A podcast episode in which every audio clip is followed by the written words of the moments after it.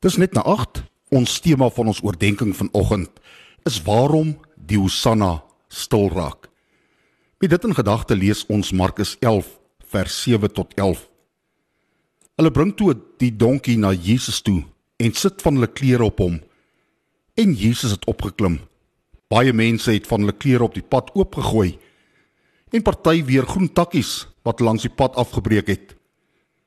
Die wat voorgeloop en die wat agteraan gekom het, het uitgeroep: Prys hom, loof hom wat in die naam van die Here kom. Geseend is ons voorvader Dawid se koninkryk wat aan die kom is. Prys hom in die hoogste hemel. Jesus het in Jerusalem na die tempel toe gegaan en alles daar bekyk. Tot sover ons skriflesing vanoggend. 'n Triomftog is nie iets vreemds nie. As 'n keiser keiser destyds triomferend van die slagveld af teruggekeer het, dan het dit gepaard gegaan met 'n vrolike prosessie, uitbundig en jubelend. Ons leer het oorwin. Hulle leef en ons leef ook. Ek en jy ken dit ook. Veral gekoppel aan sportoorwinnings. 'n Triomfantelike skare wat ons Springbok Wêreldbeker rugby kampioene op 'n oopdek bus toejuig aan die strate van ons stede en dorpe met Jesus se intog in Jerusalem. Kry ons presies dit. Die opwinding loop hoog. Daar is 'n vrolike atmosfeer van afwagting. Daar het groot goed gebeur en almal verwag dat daar nog groter goed gaan gebeur. Maar die Romeine hou die gebeure fyn dop en die Joodse raad kyk of die optog nie gaan hand uitdruk nie. En die skare sing en dans Wat het die verwagting so opgejaag? Natuurlik was dit die jaarlikse Paasfees. Dit het klaar 'n klomp opwinding veroorsaak. Maar as ons in die beskrywing van Markus en natuurlik ook in Matteus en Lukas gaan soek, dan lees ons nie van 'n spesifieke aanleidende voorval nie. Die naaste wat ons daarin kom, was die verhale van die vermeerdering van die brood en die genesing van siek mense. Die Johannes Evangelie koppel die opwinding egter sterk aan die opwekking van Lazarus uit die dood. Kyk, dit is iets nuuts. Hier Jesus is iemand met mag, selfs oor die dood. Daarom sal ook die Romeinse soldate met hulle onderdrukking van die Jode nie kan standhou nie. Ons kan solank begin triomftog hou oor die aankoms van ons nuwe koning. En so vind die triomftog plaas op 'n donkie. Want Sagaria 9 vers 9 se voorspelling van die koms van die Messias moet bewaarheid word. Maar terselfdertyd is dit 'n donkie en nie 'n vuurige oorlogsperd van 'n oorwinnende geveggeneraal nie. Maar die skare sien nie die subtiele simboliek raak nie. En dan sing hulle Hosanna vir die seun van Dawid, prys hom, loof hom wat in die naam van die Here kom. Die Hosanna het interessante betekenis. Oorspronklik was dit in Hebreëus 'n uitdrukking met die betekenis red ons. Maar mettertyd het dit 'n vreugde geroep en verering geword, daarom die vertaling prys hom.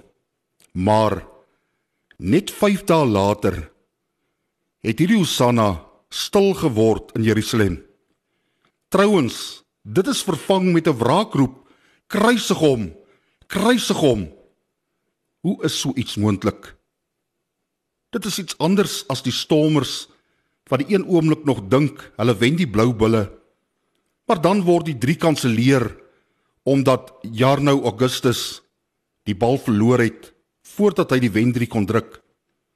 En die stormers en hulle ondersteuners huil krokodiltrane het hier iets meer gebeur of hier het iets meer gebeur as net 'n sportkompetisie wat toe nie gewen is nie. Wat het gebeur? Om hierdie antwoorde te vind is nie so eenvoudig nie. Daarvoor moet ons gaan rondsniffel in die vertelling van Markus oor wat verder daardie week gebeur het. En as ons daar enige antwoorde kry, dan is dit nie net vir ons van historiese belang nie, Dit is vir ons ook van groot geestelike belang vandag. Want dit kan mos ook gebeur dat ons vandag as gelowiges hier Hosanna met entoesiasme sing en dan ons sang verloor. Op een of ander manier het die Jesus verhaal dus nie beantwoord aan die Jode se verwagtinge nie. Op die een of ander manier het dit duidelik geword dat Jesus se hart anders klop as die populêre verwagting. Die populêre teologie van die Joodse hart het nie gepas by God se plan met die Messias nie. Daarom het die golf van opgewonde verwagting gedraai. Dit het 'n golf van weerstand en wraak geword. En ons sal mooi moet kyk in hierdie lydenstyd en in hierdie groot lydensweek of ons harte klop saam met die populêre teologie of saam met die hart van Jesus Christus. Die groot vraag is vandag op Palm Sondag. Wat het van die Hosanna of wat het die Hosanna stil gemaak of anders gestel? Wat het die Hosanna gesteel? Dit is so doodernstig dat Jesus bereid was om sy lewe daarvoor te gee. Watter redes is daar vir die wegraak van die Hosanna? Ons kyk na vier redes uit die Markus Evangelie. In die eerste plek, Jesus neem standpunt in teen skynheiligheid en eie belang. Die volgende perikoop in die woord vertel daarvan. Jesus maak die tempel skoon. Interessant dat Jesus direk na die intog na die tempel toe gegaan het en dan lees ons dat hy daar na alles gaan kyk het. Hy gaan doen inspeksie en dan bars die hel los. Kan ek jou vra wat is ons godsdiens vir ons? As dit vir ons 'n stukkie goeie kultuur is om aanvaarbaar of in te wees by mense, dan gaan ons Susanna ook wegraak. As ons kerk toe gaan of bid om God subtiel te manipuleer om ons te seën, dan is jy ook besig met skynheiligheid en valsheid en dan kan ons maar weet ons Susanna gaan nie lank hou nie.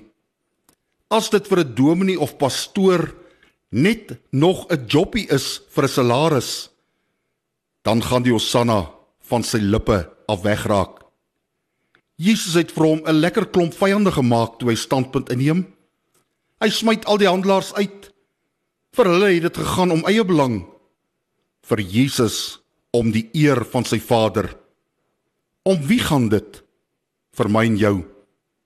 In die tweede plek, mense was nie bereid om vrugte te dra nie. In die daaropvolgende perikoop is die beskrywing van Jesus wat by 'n vyeboom met mooi blare verbyloop. En Jesus is honger en hy die verwagting dat die mooi vyeboom vrugte sal dra. Maar helaas, geen vye nie. 'n Vyeboom wat nie vrugte dra nie, is eintlik baie selfsugtig. Dieselfde met ons. As ons nie maklik ons hande vuil maak en verander gee nie, dan dra ons nie graag vrugte van geloof nie. Vrugte wat 'n kragtige verskil kan maak in die wêreld nie. Ons skeep ook ons gebedslewe dikwels af. En interessant is dat die vrug dra in Markus veral te maak het met geloof en gebed. As ons gebedslewe gesond is, sal ook jou Hosanna die weg wat nie wegwaai in die wind nie, maar sal jou gebed vrugte dra. Vrugte wat Jesus as seun van God aanvaar. Dit staan teenoor selfsug. Dit hou nie al sy gawes en energie net vir homself nie. Om nie vrugte te dra nie, is vir 'n vrugteboom ten diepste 'n baie selfsugtige daad. Daarom vervloek Jesus die vyeboom en die volgende oggend is hy tot in sy wortels verdroog. Is daar nog lewe of vrug in my en jou? Of is ons ook tot in ons wortels verdroog sonder enige hosanna? In die derde plek, Jesus het te veel van die kruis begin praat. Die kruis was vir die Joodse volk 'n vreemde element in hulle pryslied, want 'n kruis en 'n koning pas nie by mekaar nie. Is daar plek in jou woordeskat vir 'n kruis? Is daar plek in jou woordeskat vir die gekruisigde? Want dit is waaroor Paasfees immers gaan. Ons hele wese veg teen die kruis. Paasfees is hier om die kruis weer terug te skuif in ons lewens in. Dan sal ons ook weer Hosanna Hosanna kan sing. Want die kruis het gebeur omdat my en jou sonde 'n kruis nodig gemaak het. En die Hosanna se oorspronklike red my het geword prys hom. Miskien is daar tog 'n laaste ding wat gebeur het in die wegraak van die Hosanna. In die vierde plek, randfigure kry te veel van 'n erfporsie of 'n ereposisie in Jesus se bediening.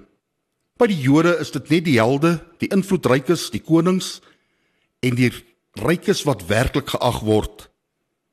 Jesus se bediening plaas deurlopend die klem op die randfigure en die noodlydenis.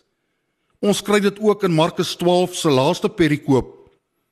Wie sou nou la laer op die VIP lysie wees as 'n weduwee en dan nog boonop 'n arm weduwee? As Jesus daar by die tempel sit, dan val sy oog op die arm weduwee. Sy gooi in alle opregtheid die laaste 2 sente wat sy het daar by die offergawekus in. En sy word deur Jesus die rolmodel gemaak vir alle gelowiges van alle tye. Dit is net nog 'n randfiguur wat deur Jesus ingenooi word na die binnesirkel van aandag en aanbidding.